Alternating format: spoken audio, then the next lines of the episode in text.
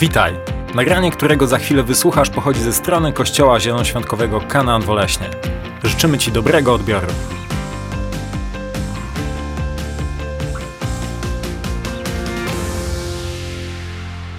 Będziemy mówić na temat gościnności, ale troszeczkę w innym rozumieniu niż myślę każdy z nas e, ma w swoim umyśle.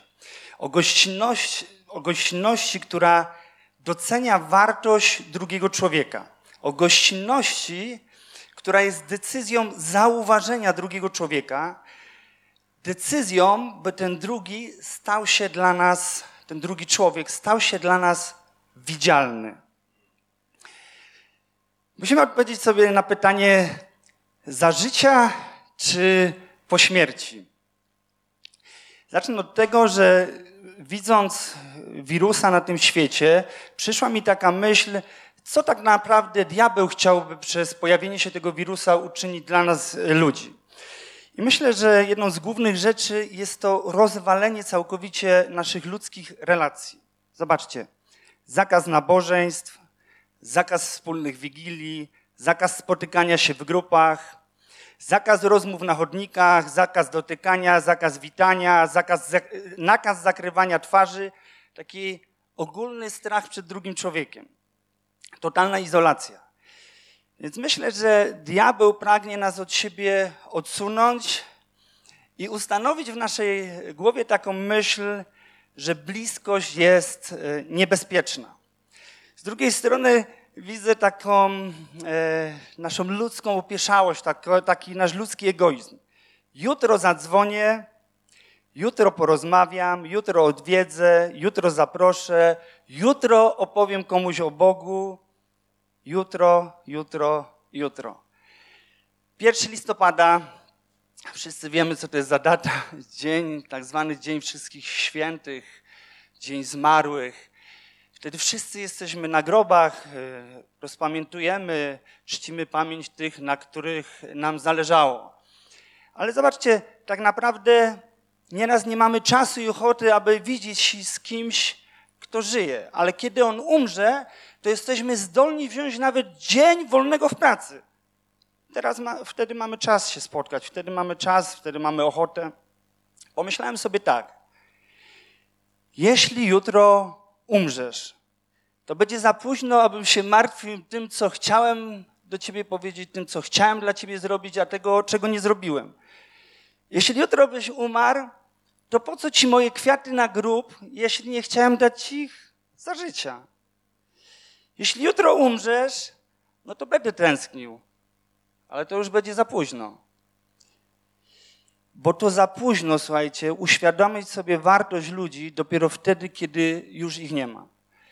Miałem taką wątpliwość, wątpliwą przyjemność e, przekonać się na własnej skórze. Kiedy oddałem swoje życie Panu Bogu wiele lat temu, czułem bardzo mocno w moim sercu, abym udał się do pewnej rodziny i opowiedział im o Bogu. I było to wiele miesięcy. Abym zaproponował tej rodzinie po prostu proste pytanie, czy chcą powierzyć swoje życie Jezusowi. Słuchajcie, mijał miesiąc za miesiącem, a to było takie mocne pragnienie w moim sercu, które lekceważyłem.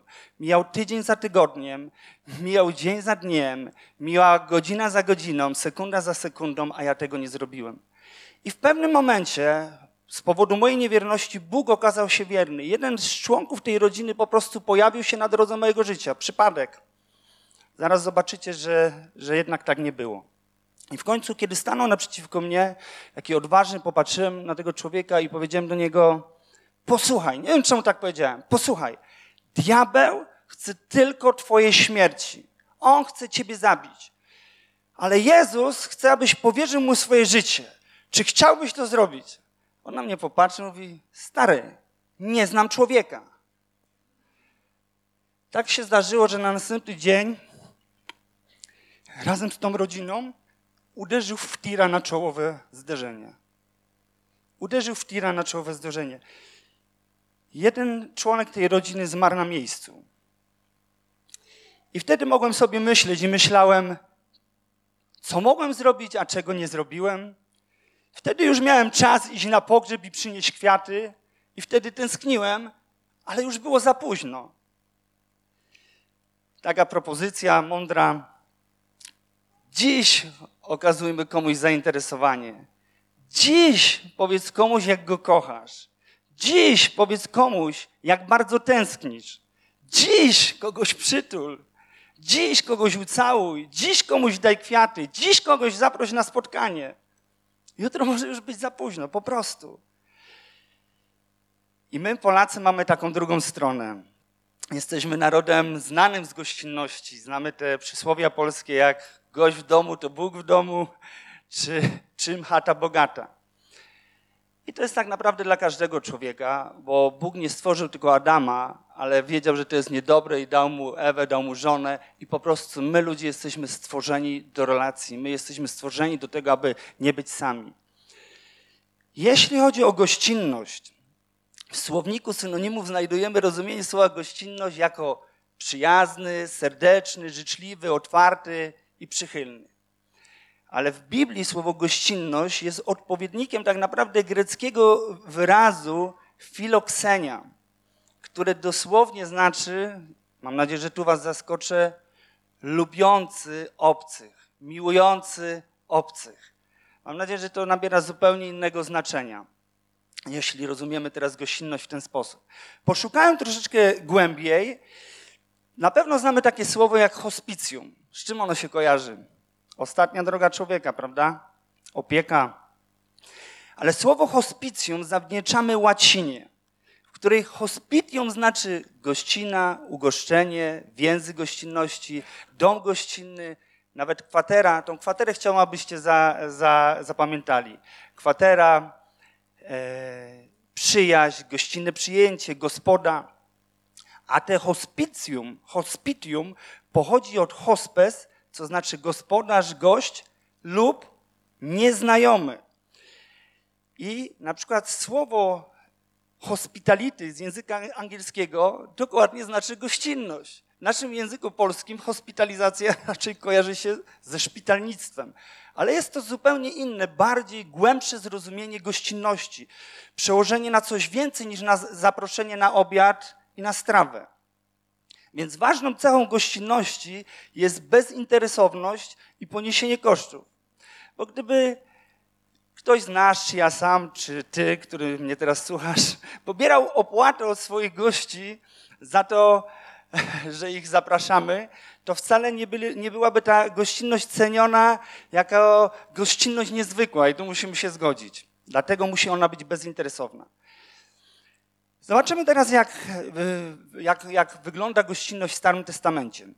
Zaczniemy od pierwszej księgi Mojżeszowej, od naszego bohatera wiary, od naszego ojca wiary, od Abrahama.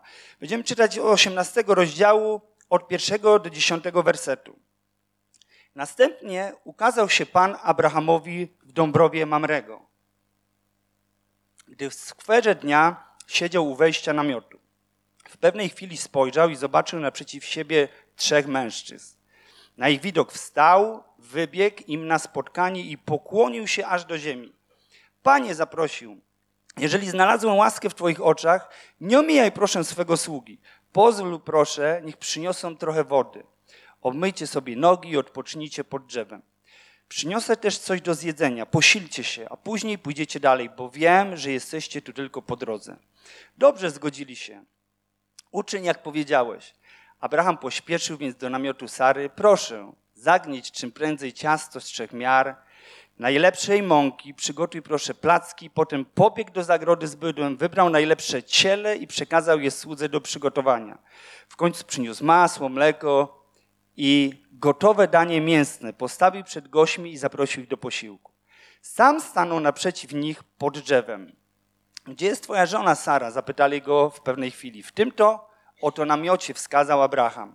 Wtedy usłyszał, na pewno wrócę do ciebie za rok o tej porze, twoja żona Sara będzie wówczas miała syna. Kiedy przypatrujemy się wierze człowieka, którego mamy naśladować i tak naprawdę postawą ludziom, ludzi Starego Testamentu widzimy takie niesamowite rzeczy w sercu Abrahama. On mając 100 lat wybiegł im na, na spotkanie, pokłonił się aż do ziemi, wybrał najlepszą mąkę, przybiegł do zagrody, mając 100 lat, pobiegł do zagrody, wybrał najlepsze ciele, A kiedy oni jedli, on mając 100 lat stał pod drzewem, kiedy oni siedzieli. Widzimy coś niesamowitego w, jego, w kulturze te, tego czasu yy, i także w jego sercu tak naprawdę.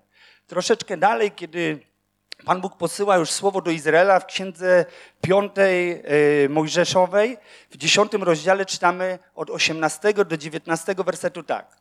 On wymierza sprawiedliwość sierocie i wdowie i darzy miłością obcego, cudzoziemca, zapewniając mu chleb i ubranie. Kochajcie zatem cudzoziemców, to jest teraz na czasie w Polsce. Kochajcie zatem cudzoziemców, szczególnie, że sami w ziemi egipskiej byliście cudzoziemcami. Pomyślałem tak, jak Abraham nie miał problemu, jego serce było wolne, tak już w tym momencie e, wymienienie obcych obok pozostających na marginesie życia społecznego sierot i wdów świadczy dobitnie o tym, że gościnność czy zwykła pomoc już wtedy szwankowała. Właśnie także w stosunku do tych grup społecznych, które najbardziej tego potrzebowały. Coś było już nie tak. To, to był za wysoki poziom. Czyli miłość tak naprawdę do słabszych była po prostu poza sumieniem tych ludzi. Oni nie chcieli tego widzieć. I my też nie chcemy nieraz widzieć. Zamykamy nasze oczy. Teraz poprowadzę was do Nowego Testamentu, do znanej przypowieści o miłosiernym Samarytaninie, który zadał takie znamienne pytanie, kto to jest, kto jest moim bliźnim. I będziemy czytać z Ewangelii Łukasza z 10 rozdziału, 25 do 37 wersetu.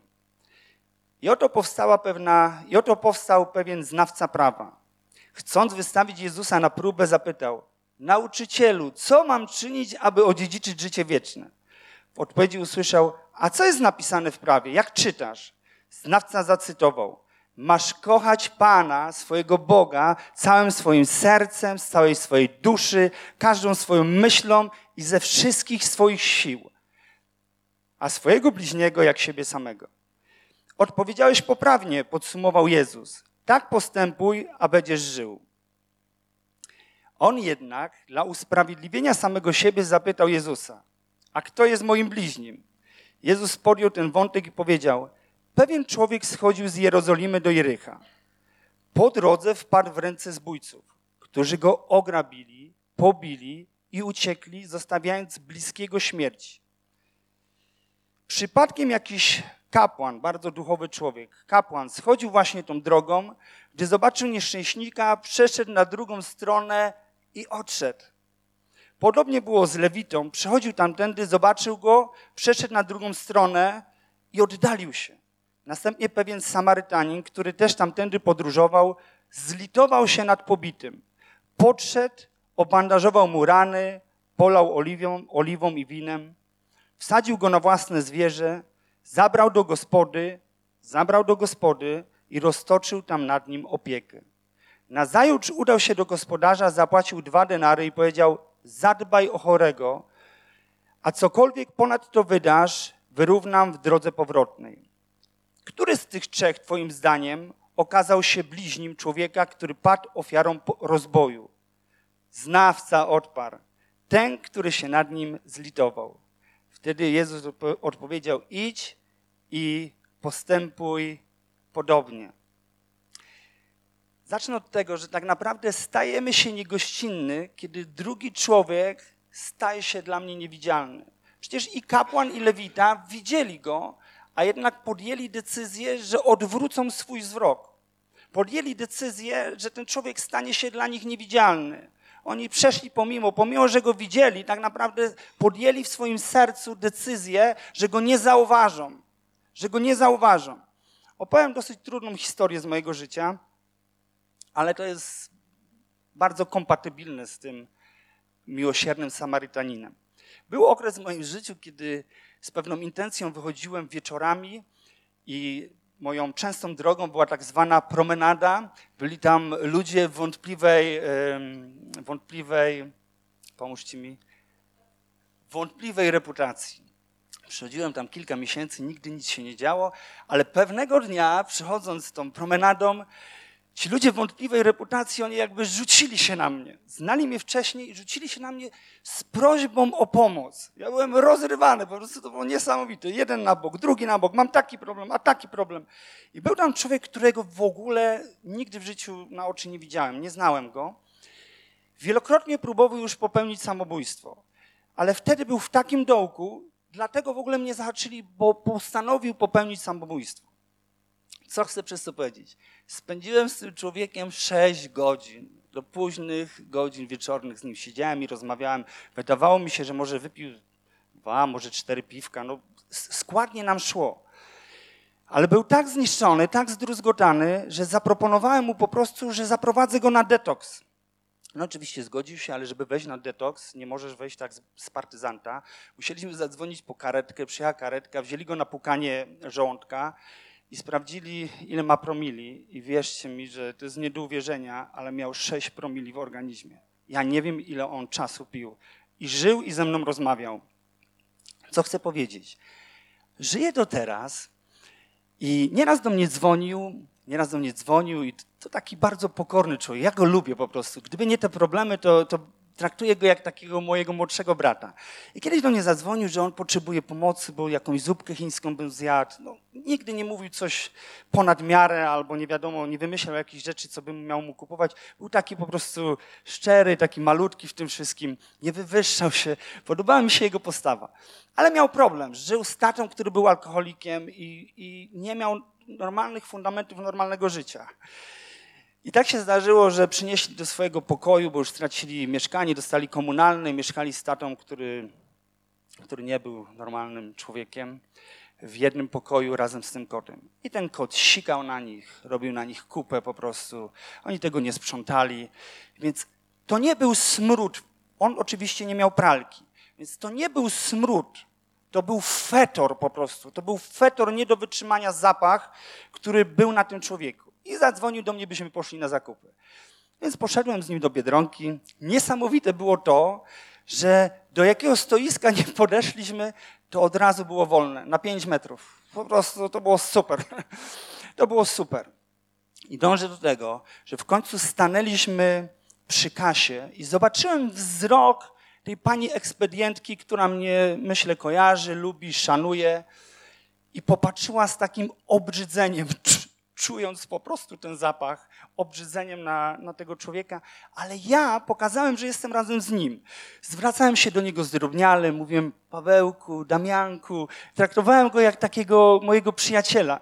I wtedy zobaczyłem, kiedy ona to usłyszała, zobaczyłem w jej wzroku taką, taką nadzieję. Popatrzyła po prostu z taką radością, niedowierzaniem, po prostu z takim szacunkiem, ale popatrzyła na nas razem tak naprawdę, a nie tylko na mnie zobaczyła też, że ja widzę w tym człowieku wartość, że ja go zauważyłem, że on jest ze mną. I to było niesamowite. Ale wiecie, ten człowiek nigdy tak naprawdę od pierwszego spotkania ze mną, on nie potrzebował jedzenia, on nie potrzebował niczego innego, jak mojej uwagi. Kiedy go spotkałem pierwszy raz, powiedział: I co? Zostawisz mnie tak, jak wszyscy inni mnie zostawili. Będę dalej sam. Będę dalej sam. Dzisiaj już chyba jest 6 lat i, i, dalej mamy ze sobą kontakt. Wczoraj żeśmy rozmawiali, dalej jesteśmy blisko, dalej widzę w nim wartość. Ale wiecie, co mi powiedział?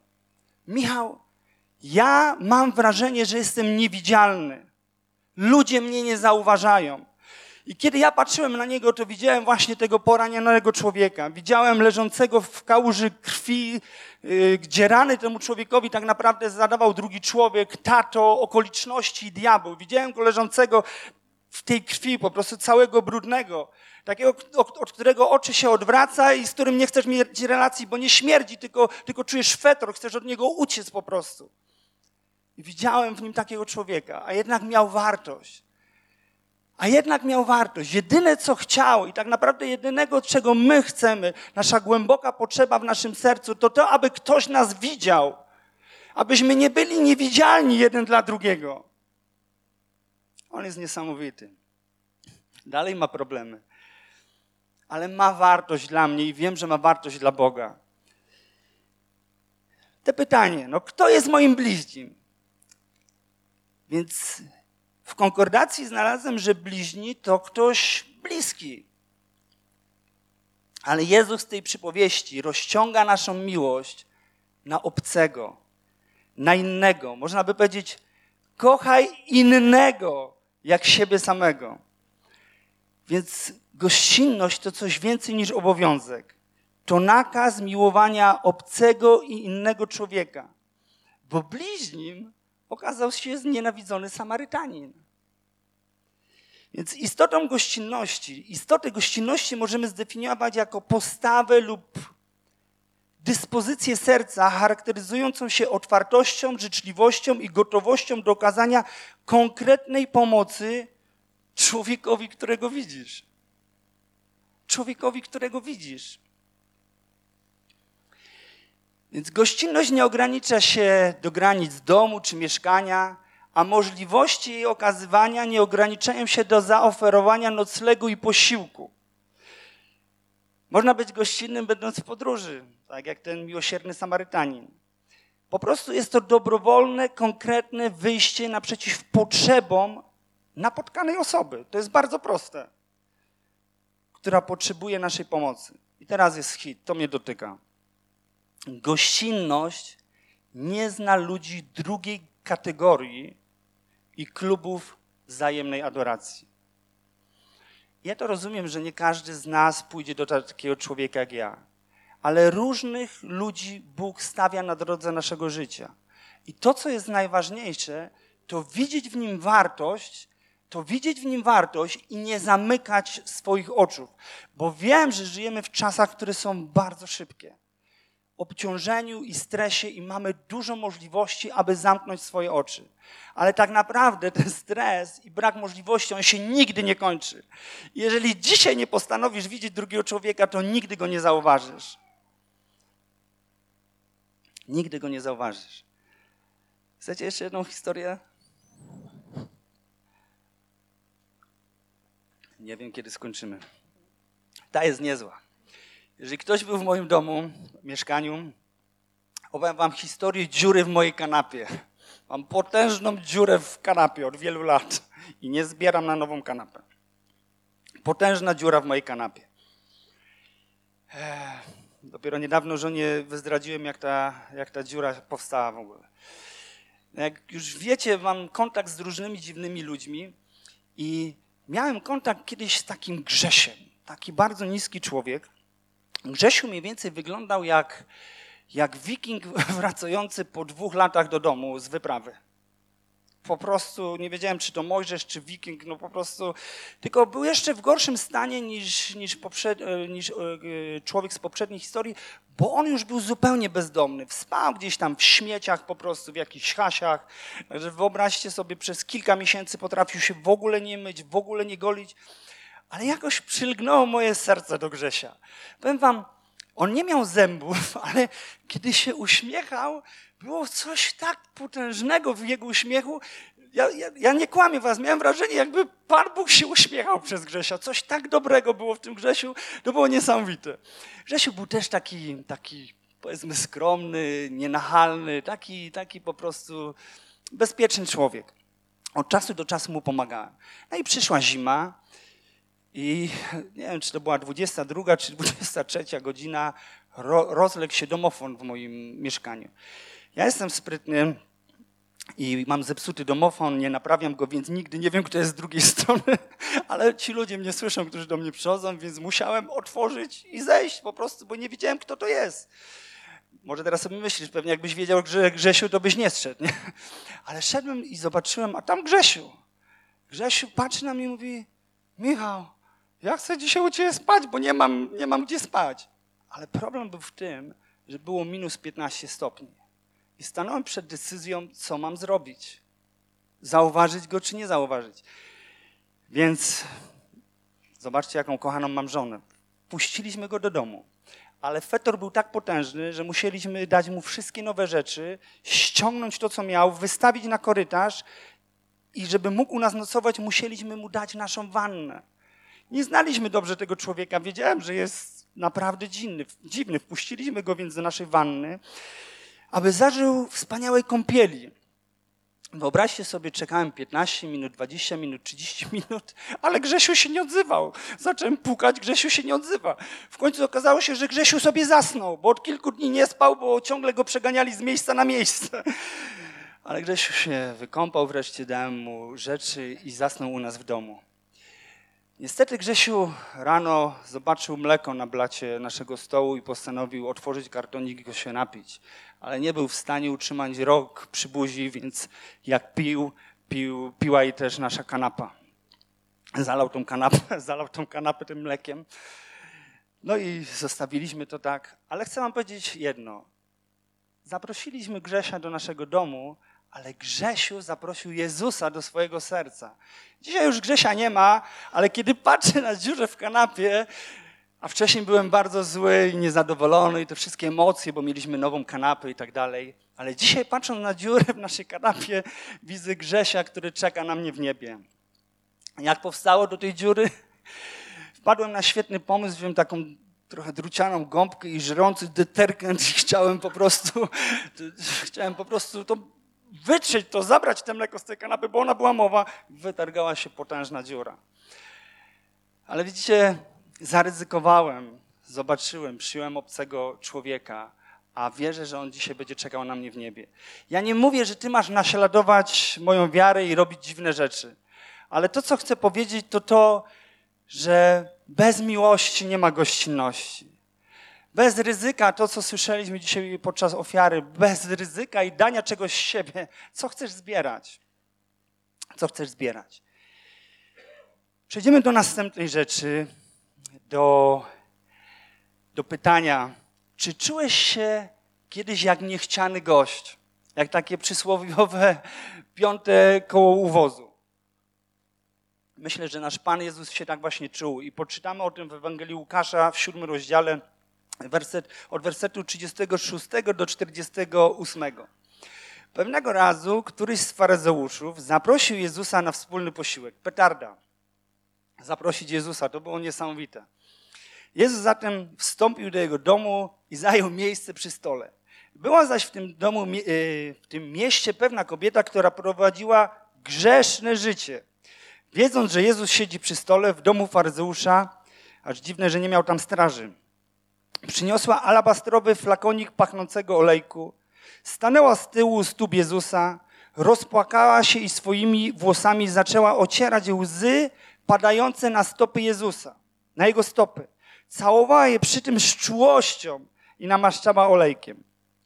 Na ten widok faryzeusz, który go zaprosił, pomyślał, gdyby ten człowiek był prorokiem, zdawałby sobie sprawę, kim i jakiego rodzaju jest ta kobieta, która go dotyka, że to jawno grzesznica.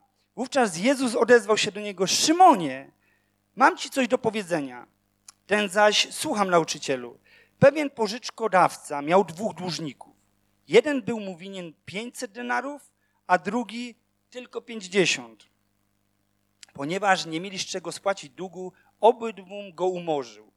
Który więc z nich będzie kochał go bardziej? Szymon powiedział, przypuszczam, że ten, któremu więcej umorzył. Trafnie oceniłeś, odpowiedział Jezus. Następnie zwrócił się w stronę kobiety i powiedział do Szymona, widzisz tę kobietę? Wszedłem do twojego domu, a ty nie podałeś mi wody do nóg. Ona za to łzami oblała moje stopy i otarła swoimi włosami. Nie powitałeś mnie pocałunkiem, a ona od chwili mego przyjścia nie przestaje całować moich stóp. Najzwyklejszą oliwą nie namaściłeś mi głowy, ona zaś pachnącym olejkiem namaściła mi stopy. Dlatego posłuchaj. Mocno mnie pokochała, bo przebaczono jej wiele grzechów. Komu mało się przebacza, słabo kocha. Do niej zaś powiedział: Twoje grzechy zostały ci przebaczone. Niewątpliwie musimy wszyscy się z tym zgodzić, że Jezus na tej uczcie był honorowym gościem. Ale Szymon nie potrafił wobec niego spełnić nawet podstawowych zasad gościnności. Więc jakby ta historia opada o tym, że nie chodzi o otwarcie tyle Twojego domu, ale swojego serca.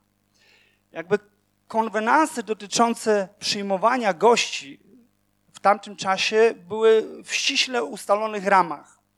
Jeżeli, przynosi, jeżeli przychodził na ucztę gość honorowy, to przeważnie był witany pocałunkiem. Jeżeli ten gość był tej samej rangi co y, gospodarz, to gospodarz mógł, powinien go pocałować po prostu w policzek. Jeżeli był wybitnym gościem, powinien pocałować go w rękę. Miał też kilka możliwości co do umycia nóg. W tamtym, w tamtym czasie chodziło się na boso, w sandałach. Nogi były brudne, więc zawsze przed, przed wejściem do domu e, otrzymywałeś, tak jak Abraham to zrobił, czytaliśmy o tym wcześniej, e, miskę z wodą. Jeżeli gość był honorowy, to gospodarz mył nogi sam temu honorowemu gościowi. Jeżeli nie chciał tego uczynić, przekazywał to słudze i ten sługa mógł umyć temu honorowemu gościowi nogi. Ale jeżeli nie chciał w ogóle tego zrobić, to podawał mu miskę z wodą i ten honorowy gość mógł umyć sobie nogi sam. Mógł umyć sobie nogi sam. A jeżeli gospodarz uważał gościa, który go odwiedził, za wybitną postać, to dawał mu jeszcze olejek do namaszczenia, do namaszczenia głowy. Widzimy, że Jezus ani nie dostał pocałunku, ani nie dostał wody, ani nie dostał oliwy do namaszczenia. Czy myślicie, że było to zwykłe przeoczenie ze strony faryzeusza? To tak jakbym zaprosił Mateusza do mojego domu, nie podałbym mu dłoni, nie zrobiłbym nawet skiwki, nie zrobiłbym nawet skiwki, nie zapytałbym po prostu, czy chce się czegoś napić, po prostu nie zauważyłbym jego obecności, udawałbym, że go nie ma. To zrobił ten faryzeusz. On po prostu specjalnie, intencjonalnie obraził honorowego gościa, bo nie chciał mieć z nim nic wspólnego. Udawał, że jest gościnny, udawał, że jest honorowym gościem. Udawał, że jest honorowym gościem. Więc Jezus, słuchajcie, nie wyraża pretensji o brak wody do umycia nóg, pocałunku gospodarza, czy też olejku wylanego na jego głowę. Bo wiemy, że Jezus nie przyszedł, aby mu służono. Jezus wskazuje na brak gestów gościnności, bo chce pokazać brak w miłości w sercu tego faryzeusza. A z drugiej strony myślę, że pragnie naprowadzić Szymona na tę miłość, która, którą kierowała ta grzeszna kobieta. Mówi, odpuszczone są jej liczne grzechy, ponieważ bardzo umiłowała. I dodaje, a ten, komu mało się odpuszcza, mało miłuje. I myślę, że echo tych słów, które są tak naprawdę skierowane do nas samych, możemy odnaleźć w dwóch wersetach, które teraz przeczytamy, których nie mógłbym ominąć. Jest to fragment z pierwszego listu Piotra, czwartego rozdziału, ósmy i dziewiąty werset. Przede wszystkim, pomyślcie o tych słowach, przede wszystkim, nade wszystko, pielęgnujcie żarliwą miłość względem siebie nawzajem, gdyż miłość zakrywa mnóstwo grzechów. I teraz petanda. Okazujcie jednim, jedni drugim gościnność bez szemrania. Co to oznacza? Nie będzie żadnej gościnności, jeżeli w Twoim sercu nie będzie miłości. Nie będzie miłości, jeśli nie będziesz o nią zabiegał. Samo się nie stanie. Specjalnie dałem nacisk na miłość do obcego, do innego, do biednego. Ale chciałbym, abyś pomyślał teraz względem tego, co przeczytaliśmy, jak wielką miłość Bóg oczekuje, że będziemy mieć do siebie nawzajem, jeśli oczekuje, że będziemy mieć do innego i obcego tak potężną dawkę miłości. Jak bardzo Jezus chce, abyś kochał brata, siostrę, człowieka, który należy do Jezusa Chrystusa, człowieka, za którego Jezus Chrystus oddał swoje życie, człowieka, dla którego Jezus jest cenny, człowieka, w którego oczach Jezus widzi, w którego człowieka, dla którego, w którego oczach Jezus widzi wartość, tak? Dla którego ten człowiek w Jezusa oczach ma wartość. Jak bardzo powinniśmy nawzajem siebie kochać. Powiem jak bardzo. Przede wszystkim, nade wszystko. Następny fragment, którego nie możemy opuścić, jest z listu do Hebrajczyków z 13 rozdziału, pierwszy i drugi werset. Pielęgnujcie braterską miłość. Nie, zapominajcie o gościnności. Dzięki niej niektórzy nieświadomi tego gościli aniołów. Pomyślałem sobie, a jeśli ten Grzesiu, który do mnie przyszedł, był aniołem? Ale on był aniołem. On miał wartość, nie, nieważne jak zgrzeszył, nieważne jak diabeł go upodlił, w oczach Bożych miał wartość, ponieważ został stworzony na obraz i podobieństwo Pana Boga. Dlatego miał wartość. Nie z tego powodu, co robił lub czego nie robił.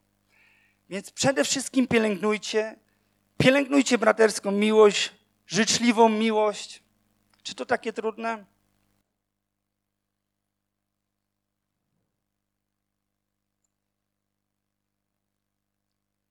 Kontynuując, to jest niesamowite teraz. Będziecie naprawdę poruszeni. Jezus jako kłopotliwy gość. Czytamy w Ewangelii Marka, piąty rozdział od 11 do 16 wersetu. Tak dotarli na drugi brzeg jeziora do okręgu Gerazeńczyków. Gdy tylko Jezus wysiadł z łodzi, z położonego niedaleko cmentarza wybiegł mu naprzeciw człowiek opanowany przez ducha nieczystego. Człowiek ten mieszkał w grobowcach i nawet łańcuchem nie dawało się go już związać. Niejednokrotnie bowiem rozrywał łańcuchy i okowy, w które go zakuwano i nikt nie miał siły go ujarzmić. Całymi dniami i nocami przebywał on w grobowcach i w górach. Krzyczał i ranił się kamieniami.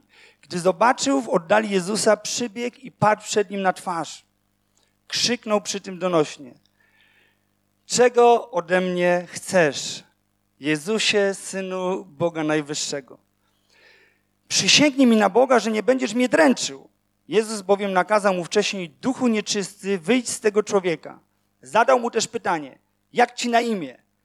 Na imię mi Legion odpowiedział, ponieważ jest nas wielu. Po tych słowach Jezus, po tych słowach zaczął Jezusa usilnie prosić, aby ich nie wypędzał z tego kraju. Pasła się zaś nieopodal u podnóża góry duża trzoda świń. Duchy poprosiły go, pozwól nam wstąpić w te świnie, abyśmy mogli w nie wejść. I pozwolił im. Po wejściu, za, po wejściu zatem, po wyjściu zatem z człowieka, duchy nieczyste weszły w świnie. Wtedy niemal dwutysięczne stado puściło się w dół po stromym zboczu w kierunku jeziora i pogrążyło się w wodzie. A ci, którzy je paśli, uciekli i rozgłosili to zarówno w mieście, jak i po zagrodach. Ludzie zatem pośpieszyli zobaczyć, co się stało. Przyszli do Jezusa i zobaczyli, że opętany, ten, który był, w którym był legion demonów, siedzi ubrany i przy zdrowych zmysłach i ogarnął ich strach. Ci zaś, którzy widzieli, co się stało z opętanym, opowiedzieli o tym dokładnie, a także o świniach. Nie zapomnieli, o świniach też opowiedzieli. I nasz kluczowy fragment, 17 werset.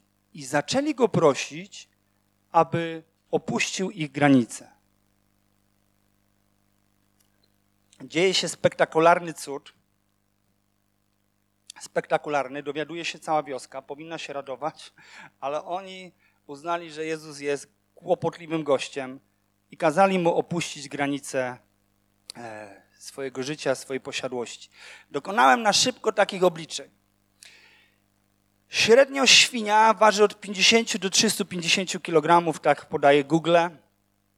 Pomyślałem sobie, że w tamtych czasach może jedna świnka, wiem, taką średnią, ważyła 100 kg. Więc łatwo po, policzyć 2000 sztuk razy 100 kg daje 2 tony. W tej chwili 1 kg kosztuje 5 zł. Więc słuchajcie, taka średnia wartość tej trzody to było milion złotych. Gdyby świnki ważyły 200 kg, byłoby to 2 miliony. Gdyby 300, byłoby to 3 miliony. To, co chcę Wam teraz powiedzieć, co chciałbym, abyście sobie uzmysłowili i kiedy będziecie czytali tą, tą opowieść, tą przypowieść, w ten sposób patrzyli na Jezusa. Zdrowie i zbawienie tego człowieka nie miały ceny dla Pana Jezusa. Nieważne, ile by te świnie kosztowały, Jezus i tak uwolniłby tego człowieka. I teraz hit będzie. Czy decyzja Pana Jezusa oznaczała, że On nie kocha zwierząt? Nie. Nie o tym jest ta historia. Ta historia pokazuje nam raczej, jak Jezus kocha człowieka. Jak Jezus kocha Ciebie i mnie. I co jest w stanie zrobić, byś był zdrowy, uwolniony i zbawiony. By nas ocalić, posłuchaj tego, by nas ocalić, Jezus jest bez skrupułów w stosunku do kosztów. Niesamowite, prawda? By nas ocalić, Jezus jest bez skrupułów w stosunku do kosztów. I teraz werset 17. On jest naprawdę szokujący. I zaczęli go prosić, aby opuścił ich granice. Więc to te słowa, a nie zagłada świń, są szokującym elementem, elementem tej historii, ponieważ Jezus jest zbyt cennym gościem. Teraz myślę, że zbyt dużo ludzi, zbyt dużo nas pragnie być, pragnie, by Chrystus był daleko od nas. Boimy się chyba tak naprawdę społecznej, finansowej czy osobistej straty. Ale chroniąc swój dobytek, chroniąc swoje poletko, może tak naprawdę chronimy swoje świnie. Teraz mam pytanie i do siebie, i do Was. Do jakiego terenu swojego prywatnego życia Jezus nie ma wstępu? Z jakiego aspektu Twojego życia pragniesz, aby Jezus tam nie wchodził? Po prostu go nie zapraszasz, bo boisz się, że stracisz tak jak ci ludzie. Będziemy zbliżać się już do końca. Jedno chcę, abyśmy zapamiętali. Oni stracili świnie, ale jeśli ugościsz, przyjmiesz Jezusa, to jedyne, co możesz stracić, to wszelkie świństwo, które jest w tobie. Jeżeli zrobisz miejsce dla Jezusa w swoim sercu, to nie musisz się bać tego, co On zrobi, bo jedyne, co zrobi, to zabierze z ciebie wszelkie świństwo i będziesz czysty i zdrowy, tak jak ten człowiek. Niesamowite jest jednak to, że Jezus się na nich nie obraził, dlatego że go wyrzucili. Dwa rozdziały później czytamy, że Jezus znowu pojawia się w Dekapolis ale wtedy świadectwo tego człowieka zrobiło furorę i przyjęcie Jezusa było już na zupełnie innym poziomie.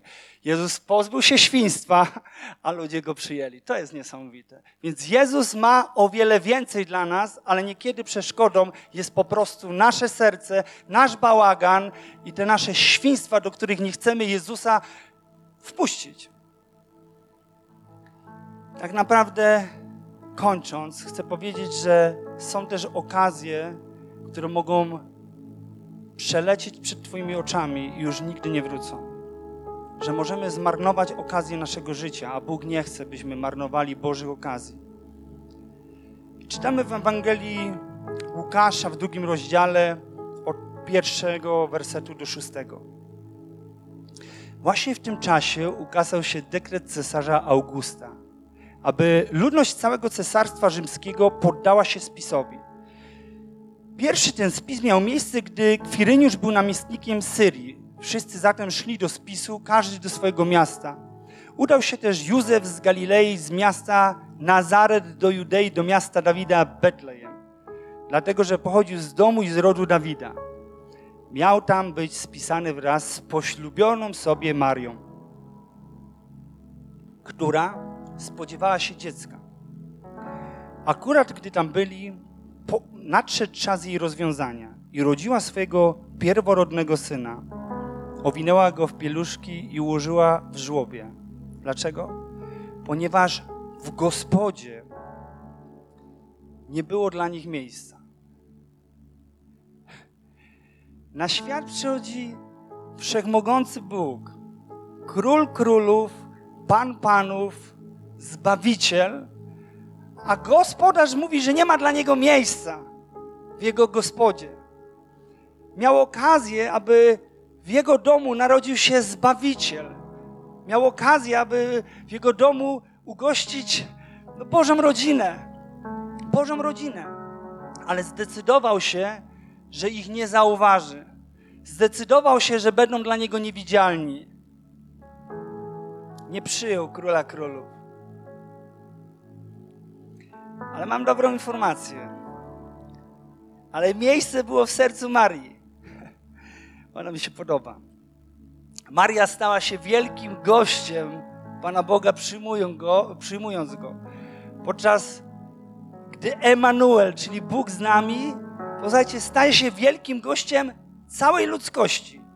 Wreszcie ten niewidzialny Bóg Starego Testamentu, który był obrońcą. On bronił kogo? Obcego, sierotę i wdowę. Staje się widzialny w Chrystusie, którego życie całkowicie wyniszczyło się w służbie drugiego człowieka, drugiemu człowiekowi. Dotyka trendowatego, burzy mury oddzielającego człowieka, który był wykluczony, przywraca wzrok niewidom, niewidomemu, skrzesza syna wdowy z Nain, a następnie przyjmuje prostytutki, staje się gościem celników, faryzeuszy, zasiada z nimi do stołu, przyjmuje zlekceważenie swojej wioski, czyny swoich oprawców, zdradę i obojętność swoich przyjaciół, a na końcu przyjmuje śmierć krzyżową. Więc Chrystus jest wielkim przyjmującym w całej tej historii. Opowiem teraz ostatnią historię z mojego życia. Jeżeli jest ktoś tutaj na sali, kto jeszcze nie powierzył swojego życia Jezusowi, który jeszcze nie zdecydował się, aby zaprosić go do swojego serca, chciałbym, abyś teraz o tym rozmyślał, bo poprowadzę Cię w krótkiej modlitwie do tego, abyś mógł powierzyć Jezusowi i zaufać Mu, że On weźmie wszelkie świństwo z Ciebie.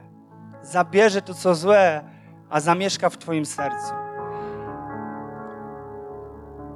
Kiedyś zostałem zaproszony przez mojego szwagra. Zostałem zaproszony przez mojego szwagra, kochany człowiek. Siedzieliśmy razem z moją żoną, teściową i moim szwagrem w pokoju i mój szwagier zdecydował się powierzyć życie Jezusowi. Zdecydował się na to. Więc był świąteczny nastrój, wsiadłem koło niego, mam na to trzech świadków i pomodliłem się za niego, pomodliliśmy się razem za niego i zaproponowałem, czy chcesz powierzyć swoje życie Jezusowi. Więc on zgodził się i powiedziałem, tak jak to dzisiaj Tobie proponuję, jeżeli jeszcze tego nie zrobiłeś. I powiedziałem do niego, to ja teraz powiem słowa tej modlitwy, a Ty po prostu powtarzaj za mną. Więc pomodliłem się niego, wypowiedziałem słowa tej modlitwy i w momencie, kiedy otwierał swoje usta, aby powierzyć życie Jezusowi, zadzwonił telefon. Przypadek? Pomyślałem, że przypadek. Zanim go zlokalizowaliśmy, cały nastrój opadł. Wyłączyliśmy dźwięk w tym niedobrym telefonie. Znowu zrobiliśmy nastrój, bo to była świąteczna chwila. Usiadłem, pomodliłem się i teraz mówię, a teraz powtarzaj za mną.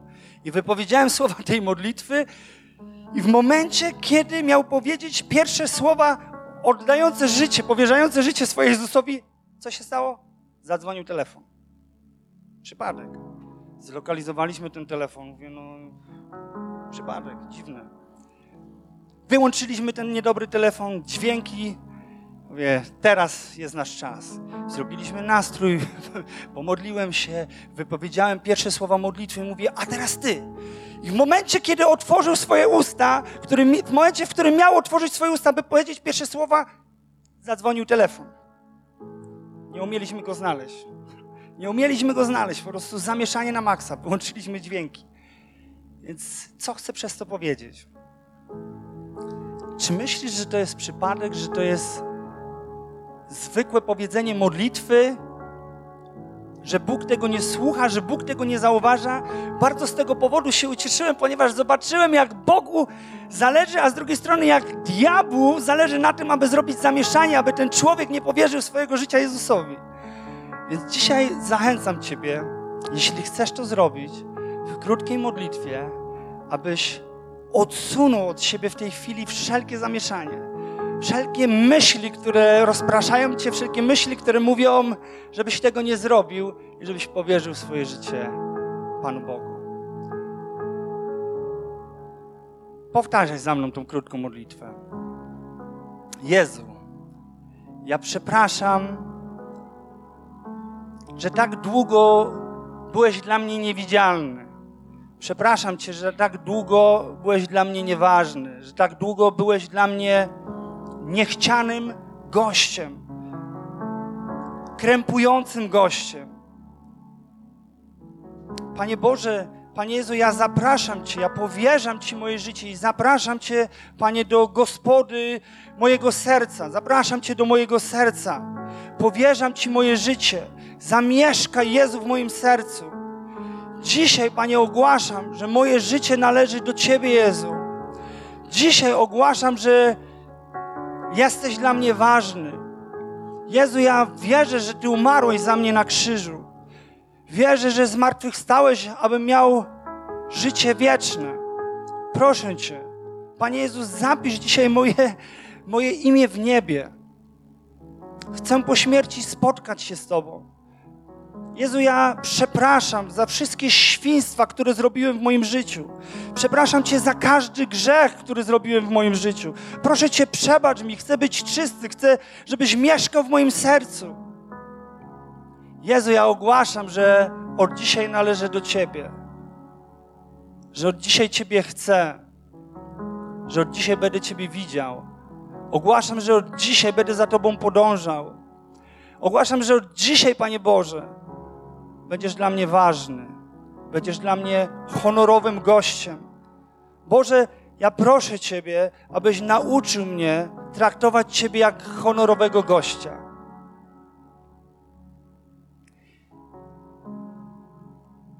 Kończąc,